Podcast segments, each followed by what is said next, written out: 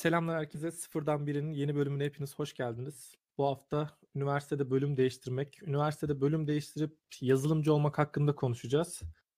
Ee, bu yüzden de Berkan'ı çağırdık. Hoş geldin Berkan. Bize birazcık kendinden bahseder misin? Hoş bulduk. Ee, ben Berkan. Ee, meslek sesi çıkışlıyım elektrik elektronik. Daha sonra mezuna kalıp e, mekatronik mühendisliğini kazandım. Daha sonrasında mekatronik mühendisliğinin tam bana göre olmadığını ve okul şartlarında düşününce yazılım mühendisliğine geçmeye karar verdim. Şu anda da Volosoft'ta yazılım geliştirici olarak çalışmaktayım. Anladım Berkan.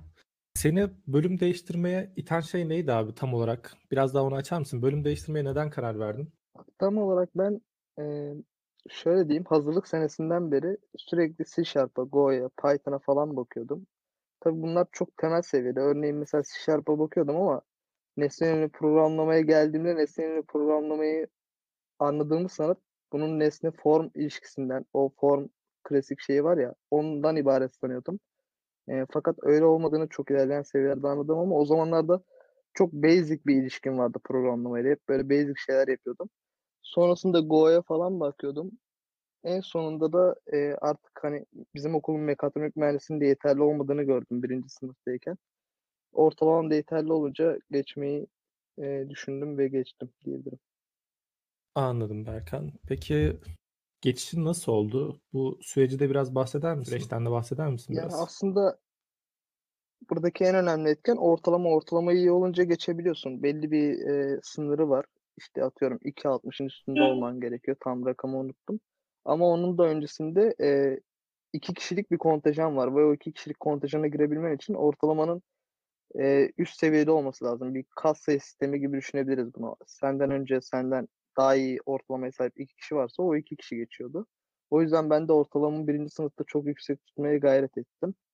Tek kısıtlı ortalama diyebilirim aslında geçiş için. Anladım. Bu aynı üniversitede olduğun için yatay geçiş oluyor sanırım değil mi? Aynen yatay geçiş oluyor. Yani rahatlıkla öğrenci işlerine gidip ortalaman iyi olduktan sonra rahatlıkla geçebiliyorsun yani. Aha, aynen yani normal e, yazın bir ara gidip e, dilekçeni veriyorsun ve geçiyorsun öyle diyebilirim. Peki ben e, şey biraz havada kaldı gibi geldi. Yani mekatronik mühen- mekatronik mühendisliğini hangi motivasyonla seçmiştin de ne seni boşa çıkarttı da çok daha yakın olan birbirine e, yazılıma geçtin tamamen. Yazılıma odaklandın. Abi şöyle ben elektrik elektronik meslek lisesi çıkışlı olduğundan dolayı açıkçası mekatroniği çok severek gelmiştim. Sonuçta hem yazılımı, teknolojiyi sürekli takip ettiğim için yazılım alanındaki gelişmeleri de 3 aşağı 5 yukarı çok yüzeysel bir şekilde teknolojilerini takip ediyordum. Dil bazlı değil ama çıkan startuplara falan sürekli takip ediyordum lise yıllarında da zaten. Sonra mekatronik mühendisliğini gerçekten böyle isteyerek gittim. Hani daha çok kafamda robotlar işte embedded kaynaklar falan onlar dönüyordu kafamda. Bizim okula gittiğimde kaynakları gerçekten çok yetersizdi. Bir de birinci sınıfta ben e, yazın daha geçiş dilekçemi vermeden önce yazın sonunda oradaki mekatronik mühendisliğini gördüğümde, oradaki çalışan insanları gördüğümde yani tamamen emindim diyebilirim yazılım mühendisliğine geçmeye. Bu tamamen kişisel bu arada. Hani insandan insana göre değişir. Tamamen bana göre olmadığını fark ettim. Zaten yazılımla da ilgilendiğim için oraya geçiş dilekçemi verdim diyebilirim. Peki yani sanırım mekatronik mühendisliğinin Türkiye'deki koşullarının yetersiz olması birazcık etkili oldu sende. Yani Türkiye'deki koşullarındaki diyemem. Ben o yani Bahçeşehir'de falan çok daha iyi koşullar var muhakkak gör. Yani izlediğim kaynaklardan dolayı öyleydi. Ama bizim okul gereği kaynakları çok yetersiz. Yok ben E şey de açısından sordum sana. Hani dedin ya staj yaptıktan sonra fikrimi değiştirmeme etken şeyler gördüm diye. Yani bu yine firmadan firmaya değişir muhakkak da öyle bir konu vardı. Oradaki mekatronik mühendisliği genel olarak mekatronik mühendisliği olarak çalışmıyorlardı. Genel olarak makine mühendisi gibi çalışıyorlardı. Benim izlenim en azından böyleydi. O yüzden diyebilirim aslında. Evet Türkiye'lik şartlarda şu an düşününce katabileceğimizi düşünüyorum o yüzden. Anladım Ben kanka. burada şeyi merak ettim belki. Yani daha demin konuşurken bahsettin ya e, C Sharp'ı mesela yalnızca formdan ibaret sanıyordum diye. Derinleşme süreci nasıl oldu yani? Nasıl daha ilerisinin olduğunu gördün? Ne yaparak gördün? Yani ilk yıllarda mesela seninle konuşurken e, bu dillerle ilgili kitapları aldığını hatırlıyorum. Derinleşmen bu yönde mi oldu yoksa başka bir şekilde mi e, daha geniş bir dünya olduğunu gördün ve ilgini çekti? Onu merak ettim ben. Yani şöyle diyebilirim abi. e, mesela C Sharp'ı formdan ibaret sanıyordum. Web uygulamaları geliştirebileceğimizi biliyordum. Ama o nesne yönelim programını tam özümseyememiştim daha ilk yıllarımdayken. Bunu özümseme şeklim şöyle oldu. Mesela ilk yıl sürekli formdan ibaret olduğunu düşününce ben bu arada Go'ya geçtim. C Sharp bana göre değil dedim. Zaten ben mekatronikçiyim. Robotlarla ilgileneceğim. Benim weble ilişkim yok deyip e, daha çok Go'ya yöneldim. Bu arada Python'a da bir tık yönelmiştim ama Python'ın syntax'ını sevmediğimden dolayı Go'yu tercih ettim. Şu an olsa muhtemelen C'yi veya Python'ı tercih ederdim. Go'nun çünkü o zamanlarda da şu anda da hatta kaynak sayısı, Türkçe kaynak sayısı çok az. Daha sonrasında tamamen o C Sharp'ı veya nesne yönelim programı özümseme sürecim de yazılıma geçmemle birlikte başladı. Birinci sınıfta geçtiğinde meslek lisesinden mezun bilgisayar programcılığından mezun bir arkadaşım vardı, ev arkadaşım. Yani ona bakınca seviyemin çok yetersiz olduğunu fark ediyordum sürekli. Haliyle e, bir şekilde onlara yetişmem lazım. Sizlere yetişmem lazım. Gerçekten yazılım mühendisliğini birinci sınıftan beri okuyan insanlara veya bilgisayar programcılığından mezun olmuş insanlara yetişmem lazımdı. Ben de bu sırada kitaplar aldım. Sefer Algan'ın C Sharp 7.0 kitabını almıştım. Hala daha başucu kitabı olarak kullanıyorum. Çok iyi bir kaynak olduğunu da düşünüyorum Türkçe olarak.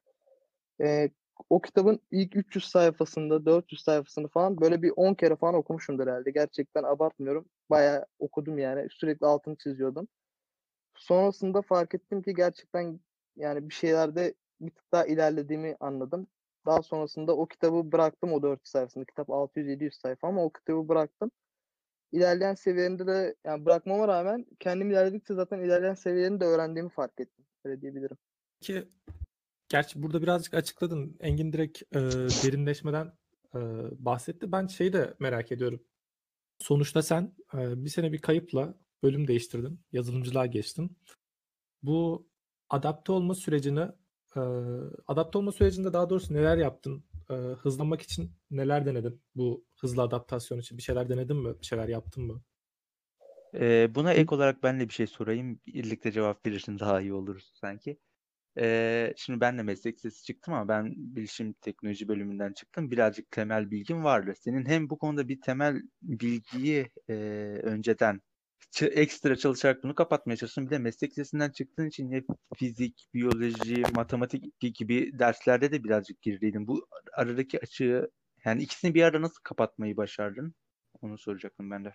Tamamdır abi. Ya o açık şöyle başlayayım o zaman hazırlık senesinden bahsetmem gerekiyor. O açığı nasıl kapattığımdan bahsedebilmem için. Ben mekatronik çıkışlıyım. Yani pardon metok çıkışlı metok olarak kazandım okulu. E, bu yüzden metok olarak kazanınca hazırlık senesi var. Hazırlıkta da sadece fizik, matematik ve kimya gösteriliyor. Yani bir sene boyunca matematik, fi- fizik ve kimya gördüğüm için o açığın büyük bir kısmını orada kapattım. O arada e, çok zorlandığımı söyleyebilirim. Sonuçta ben mesela kimyayı 3 yıl görmedim. İşte matematiği çok e, alt seviyelerde gördüm meslek ve fizik zaten yok gibi bir şeydi bende. E, oraya gittiğimde gerçekten e, mesela diğer arkadaşlarım Anadolu Lisesi insanlarla yurtta kaldığımızda mesela onlar çok rahat bir şekilde soruyu anlayıp çözebiliyorlardı veya e, düşünce yapıları da bir tık daha farklı geliyordu açıkçası. Daha sonrasında ben de onlardan daha da fazla çalışarak o açığı o sene kapattığıma inanıyorum. Daha sonraki senelerde zaten yaptıklarımla bunu göstermiştim kendime öyle diyeyim. Hani ben o açığı kapattım diye biliyordum ben birinci sınıfın ilk dönemin sonuna geldiğimde. Çünkü neden? Matematik işte ağırlıklı türev integral gördük matematik e, 1 ve 2 gördük birinci sınıfta. Orada elde ettiğim başarılarla o sorunu kapattığımı düşünüyordum ve onlarla konuşurken aslında onları e, onlarla artık e, rakip olabilecek seviyeye geldiğime inanıyordum matematik, fizik ve kimya konusunda. Programlama konusuna da gelirsem abi e, yani dediğim gibi gerçekten birinci sınıfta bittikten sonra yazılım mühendisliğine geçtikten sonra çok eksiğim vardı. Hani kapatabileceğimi düşünmüyordum öyle diyebilirim. Daha sonrasında sürekli kitap okuyordum ama sürekli kitap, YouTube her boş vaktim bunlarla geçiyordu. Ee, bu içerikleri yani sürekli bunlara maruz kalınca aslında bir şekilde kapanıyor yani bu açık. Tam şu an kapandı mı orasını da tam değerlendirebilecek seviyede değilim. Bunu karar merci de ben değilim. Fakat ya ben kendimi değerlendirince kapattığıma inanıyorum öyle diyebilirim. Diyorsun ki çok da böyle bir şaşalı bir yöntemi yok. daha fazla çalışacaksın ve daha fazla Yani çalışacaksın. aynen ne kadar efor o kadar yani daha başarılı olabiliyorsun diyebilirim. Yani çok çalışmaya bağlıyorum açıkçası. Örneğin mesela ben ilk, birinci sınıftaki derslerimi vermem gerekiyordu ikinci sınıftayken. Sonuçta o dersleri almadığım dersler vardı. Yazılım mühendisliğine giriş almamıştım mesela. Ve yazılım mühendisliğine giriş e, giriş adı altında olan Fatih hocamızın yani zor geçirdiği bir dersti. Bizim okulumuz için konuşursam en azından. Ve ikinci döneme denk geliyordu. Yani ikinci dönem bizim hangi dersimiz vardı? Data Structure vardı. Software Architecture dersleri vardı ve o o ders vardı. Bir de algoritma 2'yi aldım mesela ben o dönem. Algoritma 1'i saymışlardı mekatronikte de gördüğüm için. Yani toplamda iki ders fazladan alıyordum ve bu iki ders gerçekten zorlayıcı bir iki dersti benim için. O dönem şöyle diyebilirim gerçekten çok çalışıyordum. Ben yorgun olunca genelde sesim de çıkmıyor bu arada. Böyle sesim kısılıyor. O dönem neredeyse hiç sesim çıkmadı. Çünkü dönem sonunda arkadaşlar yani dönem bitti. ikinci seneye başladık. O sene tanıştım arkadaşlar. Geçen sene sen böyle değildin. Sesin çıkmıyordu falan filan diyorlardı yani. O derece her gün yorgun düşüyordum böyle çalışmaktan. Anladım. Ben hatta yani çok böyle eee saygı duyduğumuz bir hocadan bizzat duyduğum bir şey vardı. Yani yazılım mühendisliği çok böyle zeka ile alakalı bir şey değil. Yazılım mühendisliği demeyeyim de daha çok hatta programcılık diyeyim. Tamamen ne kadar zaman ayırdığınla alakalı demişti. Böyle çok acı bir gülümseme vardı suratında. Dedim ki yani yanlış yere geldik acaba yapmıştım ben o zaman. Neyse ben şeyi de sormak istiyorum bu arada. Sen sonuçta belli doğru veya yanlış kararlar verdin. Bu hepimizin tecrübe olarak ifade ettiğimiz, hepimizin yaşadığı şeyler. Ben şeyi merak ediyorum. Senin yazılım mühendisliğine geçtikten sonra ki ilk zamanlarında olsaydın şu anda neyi farklı yapardın? Muhtemelen her şeyi aynı yapardım. Sadece Go'ya çok daha fazla ağırlık verirdim diyebilirim. Çünkü ben Yani şu an mesela e, dil yani bazında şu- konuşmuyorum aslında. Ben burada Tamam. söylemek istediğim eee, yaklaşım olarak, bakış açısı olarak neyi farklı yapardın? yani Yani muhtemelen mesela eee, go, go diyorsun ama mesela hani neden go diyorsun? Anlatayım abi. Şöyle mesela ben yani ben şöyle düşünüyorum. İnsanların dil seçiminin kişiliğine de bir yansıması olduğunu düşünüyorum. Yani mesela benim Python sevmeme sebebim veya JavaScript sevmeme sebebim bir nevi kişiliğimden, düşünüş tarzımdan kaynaklandığını düşünüyorum. Ee, bu yüzden Go'nun bana daha yakın bir dil olduğunu hissediyorum. Yani bu biraz dil agnostik bakış açısı olmayacak gibi geliyor ama Go'yu bir tık daha seviyorum. Şu an mesela C Sharp alanında full geliştirme yapıyorum çalıştığım şirkette. Ama Hı.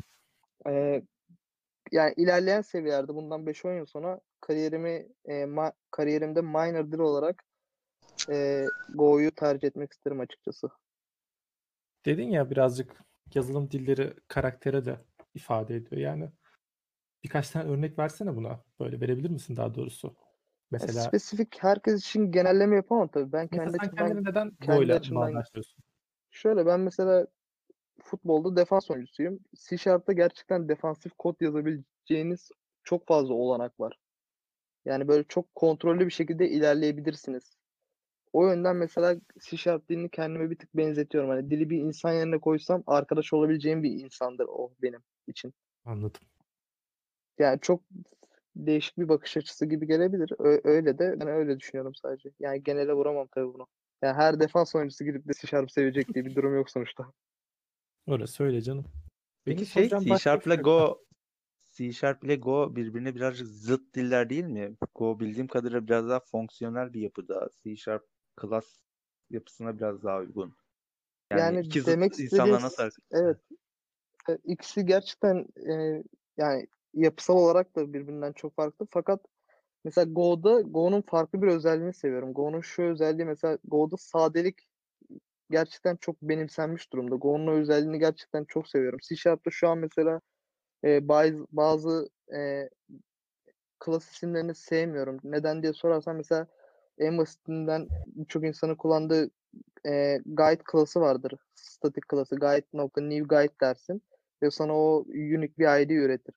E, burada mesela guide.new guide deyince aslında Go'da bunun karşılığı olsa aynı birebir karşılığı olsa guide.new derdik mesela. Orada guide.new guide demezdik. Çünkü Go'nun yazarlarından da öneriliyor. Direkt mesela guide.new dediğinde zaten bu anlaşılıyor diyor. Niye bir daha new guide diyorsun ki diyorlar adamlar mesela.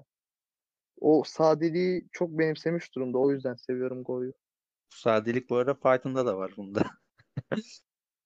Python'ın da Sevmiyorum. syntax'ını sevmiyorum. Python bu arada gerçekten çok e, Geç, geçen bölüm beni bozan adam bugün Python savunuyor. yani Olur. Python, Duruma göre değişiyorum Python'da ben. çok efektif, çok hızlı kod yazabileceğiniz alan. Evet ama ben bir, bir türlü sevemiyorum. O kısıtlamaları falan filan olmayınca da onu da sevemiyorum ben. Go'da mesela e, süslü parantez mutlaka fonksiyonun yanında olmak zorunda. C Sharp'taki gibi altına koyamıyorsun. Yani direkt hata veriyor, değerlenmiyor. E, bu, bu gibi kısıtlamaları da seviyorum aslında Go'daki. O beni kısıtlaması ama böyle tatlı kısıtlaması o konuda da birazcık sevdim diyebilirim. Yani nedense benim bu konu yüzünden ilişki seçimin hakkında bir farkındalığa eriştim gibi bir şey oldu yani. Böyle ne alakaysa bilmiyorum ama neyse. Ne tür bir farkındalık? Bir şey yok. Ee, benim ekleyeceğim bir şey yok abi. Sizin var mı? Yani son Yani- şeyler zaten konseptten de kaymaya başlıyorduk. Daha doğrusu şöyle O O şöyle şunu, kısımları şunu- şunu kesebiliriz isterseniz. Başka sorular varsa Sıkıntı onları Yok onu ayar veririz ya. Ee, şeyi sormak istiyorum ben. Yani benim ekleyeceğim bir şey yok. Sizin var mı? Hmm, Yok şu an bana da gelmedi bir şey. Benim Ben de yok ya bu konuyla ilgili. Gerçi sizin diye başladım. Niye böyle? Osman intikam almaya çalışıyor. Fark ettin değil mi kendi çapında böyle? yok oğlum adam benim benim gönlümü aldı az önce o. Neyse. Vallahi ben Python hala sevmiyorum açık açık. Hiçbir. Ben de- Zevk almıyorum vallahi açıkçası. olaylara duygusal yaklaşmamanız lazım. Bence de. Bu arada ben de C Sharp'ı sevmem yani. Hayda. C Sharp'ı Python mı dersen Python. Burak Hoca gibi Vallahi yakışmadı. koyma da. Berkan senin eklemek istediğin bir şey var mı kanka? Yani şimdilik aklıma gelen bir şey yok kanka. Tamamdır kanka. Çok teşekkür ederiz geldiğin için. Ben Şey teşekkür için, ederim kanka davet kırmadığın için. ettiğiniz için. Başka bu konsept içinde soracağım başka bir şey yok benim. İyi o zaman. Benim de yok. Ben de ayrıca teşekkür edeyim Berkan. Sağ olasın tekrardan geldiğin için. Ben, Ben de teşekkür, ederim. kanka. Gerçekten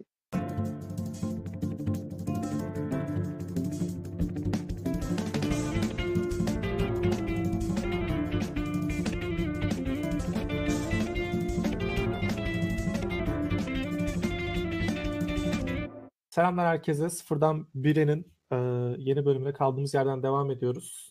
Berkan'la görüşmüştük. Berkan aynı üniversite içerisinde bölüm değiştirip yazılım mühendisliği e, bölümüne geçmişti ve ondan hikayesini dinlemiştik. Şimdi Atakan var yanımızda. Atakan farklı bir üniversiteden, bambaşka bir bölümden yazılım mühendisliğine geçmiş. Üçüncü sınıf bir arkadaşımız. Hoş geldin Atakan. Merhaba, hoş bulduk. Atakan, bölüm değiştirmeye neden karar verdin? Abi ben bölüm değiştirmeye e, zevklerimi ve yeteneklerimi fark ettiğim için karar verdim aslında. Şöyle, e, sağlık, ben sağlıktan yazılım mühendisliğine geçtim. E, fizyoterapi ve rehabilitasyon okuyordum. E, ilk dönem okuduktan sonra yani benim elime kalem almam veya bir şeyler üzerinde çalışmam gerektiğini anladım. Yani kafa yormam gerektiğini, sadece oturup ezber yapmak değil de bir şeyleri öğrenmek, böyle yeni bir şeyler katmak istedim kendime. Yani sağlıkta sürekli ezber, sürekli ezber. Hani bir yol haritam var ve e, sadece onun içindesin, dışına çıkamıyorsun. E, fakat mühendislikte, özellikle yazılım mühendisliğinde e, çok farklı alanlara böyle dalgalanabilirsin, öğrenebilirsin. Yeni şeylere açıksın her zaman. O açık olmak zorundasın. E, bu sebepten diyebilirim bölüm değiştirmeme. Yani aslında birazcık da şeyden e, çizilmiş bir yol değil, kendi yolunu kendin yaratmak istediğinden. Aynen öyle, o şekilde açıklayabiliriz. Peki e, bu süreçte geçişin nasıl oldu? Birazcık süreçten bahseder misin? Neler yaşanıyor farklı bir üniversiteden e, başka bir üniversitenin bölümüne geçmek için neye gerekiyor? Neler yaşanıyor? Ee, şöyle bir şey YÖK'ün bize tanıdığı bir hak varmış. Ek madde 1 diye. Ben de onu o dönemde öğrenmiştim. Ee, araştırırken ek madde 1'e e, rast geldim ve istediğin üniversitenin öğrenci işlerine açılan dönemlerde, her üniversitenin farklı dönemlerinde e, başvuru alıyorlar. Ve o başvuruları yakaladığın sürece senede iki kere oluyor. Bir ara tatil döneminde bir de yaz tatil döneminde. Ee, ek madde 1 başvurusu olarak e, ilk girdiğin sınavda yani ikinci sınava girmeden ilk girdiğin sınavdaki puanınla tekrar farklı bir üniversiteye tercih yapabiliyorsun. Yani birebir tercih. Böyle normal ÖSYM'deki gibi internet sitesinden sıralı tercih değil. tek tek kağıt götürüyorsun. Elden teslim şeklinde öğrenci işlerine e, teslim ediyorsun. Hı hı. E, ek madde 1 bu şekilde ilerliyor. E, yani ben de bu şekilde yaptım geçişimi. Tamam. Peki başka hani bambaşka sağlıktan geldiğini söylüyorsun. Ee, mesela Berkan'la konuşurken o yine bir mühendislik dalından geldiği için benzer e, yollardan geçmemiş. Yani tamamen e, sen şu anda farklı bir şeyden geçiyorsun. Peki sen Atakan e, bu geç kalışını e, adapte olmak yani geç kalışın sürecindeki o kayıplarına adapte olmak için neler yaptın? Böyle tam güzel bir soru sordun e, Abdurrahim. Ben ilk okul değiştirdiğimde e, benim önceden tanıdığım yani liseden ve ortaokuldan tanıdığım arkadaşlarımın yanına gittim aslında. E, ve onlarla birlikte ev arkadaşı oldum. Onlar ilk dönemi yani ilk sınıfı okuduktan sonra ben onların arasına girdiğimde kendimi o kadar böyle yabancı hissettim ki e, mesela yemek yiyoruz. e, Sonunda çay içiyoruz abi hep beraber. Fakat e, kişiydik. Üç kişi bir konu konuşuyor. Ben sadece bakıyorum. Hatta bazen e, neyse siz konuşun. Ben gidiyorum diyerekten yanlarından ayrılıyordum. Hani adaptasyonum birazcık zor oldu benim için. E, alışmak değil de e, nasıl söyleyeyim? Sanırım ilk başta çekici gelmedi diyeyim o şekilde. Ya da ben başaramayacağımı düşündüm. O şekilde oldu. E, ama sonradan e, yanlış yaptığımı fark ettim. Aslında yapmam gereken o konuların içine dahil olup e, o konuşmaların içinde ne geçiyor, hangi kelimeler var, onları kendim böyle aradan seçip filtreleyip kendime almak, kendime ne katabilirim? İşte önümde rol modeller var.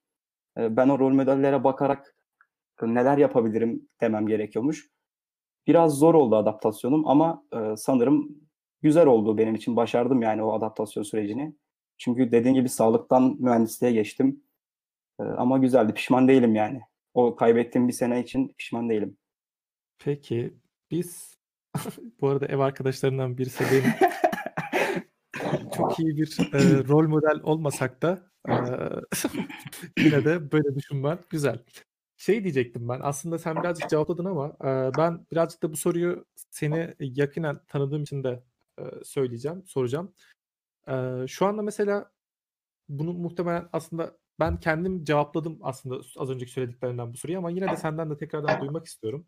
Ee, özellikle benim gördüğüm şu süreçte sende e, inanılmaz bir artış var. Hani o sanki şey gibi oldu. Bu sürekli bambu ağacı bitkisinin e, hikayesi anlatılır ya. Bambu ağacısını ekersin sonra onu ilk yıl sularsın hiç büyümez. ikinci yıl sularsın hiç büyümez. Üçüncü yıl sularsın hiç büyümez. Dördüncü yılda bir anda 6 ay içinde 30 metreye ulaşır.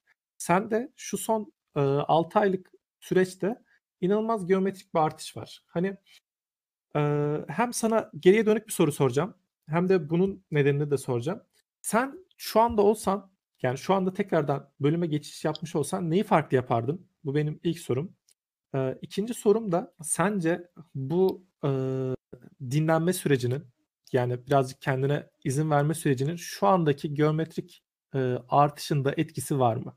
Şimdi ilk soru olarak neyi farklı yapardım? Ee, ilk olarak şunu yanıtlayayım. Ee, neyi yapardım? Neyi farklı yapardım? Okulla yetinmezdim. Yani ilk bir buçuk iki senem sadece okulla yetinmekle geçti. Ee, yani kendim tekrar böyle sadece slaytların dışına çıkıp alıştırma yapmadım. Hani bunu konuştunuz önceden de siz. Ee, kendi başıma oturup böyle dokümantasyonları açıp okumaya çalışmadım. Veya neyi nasılmış araştırmaya çalışmadım. Sadece bana ne verildiyse onu aldım. Böyle söyleyeyim. Ee, neyi farklı yapardım işte geldiğimde de bu saydıklarımı asla yapmazdım. Yani bunlarla yetinmezdim. Üstüne daha çok bir şeyler katmaya çalışırdım. Ve e, ikinci soruna gelecek olursam da bu dinlenme döneminde yani o bir seneki boşluğum bu geometrik artışımda nasıl bir fark yarattı? Sanırım Fark yarattı doğrusu. fark yarattı. Şöyle yarattı. Ee, aslında dinlenme dönemi değil de sanırım yaştan dolayı diyeyim. Ee, artık bir şeyler yapmam gerekiyordu. Ee, peki Atakan, şimdi sen birazcık aslında hani e, buradaki çevrene güvenerek de birazcık buradaki bu kararı vermene etkili oldu. Bu karar vermende etkili oldu. Bambaşka bir yerden bambaşka bir yere geçiş yapmanda. Eğer e, bizleri tanımasaydın, bizleri de geçtim. Hiç tanımadığın bir e, yere gelmiş olsaydın, hiç tanımadığın yani bir üniversiteye gelmiş olsaydın, adapte olmak için ne yapardın? Tanımadığın insanların arasında. Yani ne yapacağımı bilmiyorum ama çok fazla zorlanacağıma inanıyorum. Çünkü ben biraz şeyim böyle hani anneci derler ya o tarz bir insanım ve e, böyle yakın hissettiğim insanlar olmadığında aslında diğer insanlara karşı da böyle e, çabuk ısınırım ama e, yani tanıdığım insanların burada olması hani benim yanımda olmaları ve bana sürekli yardımları dokunmaları benim için çok böyle e, adaptasyonumu hızlandıran bir süreç oldu. Sanırım Yani kısaca yapmazdın. Yapmazdım herhalde. Evet yani zor çok zor olurdu benim için ya. Öyle söyleyeyim. Anladım. Bu arada benim eklemek istediğim başka bir şey yok. Senin var mı? Tek bir şey var aslında. Eğer düşünen olursa bu e, kaydı dinleyecek herhangi bir işte yazılım mühendisi düşen bir öğrenci olursa şunu söylemek isterim. Ya bu benim kendi düşüncem.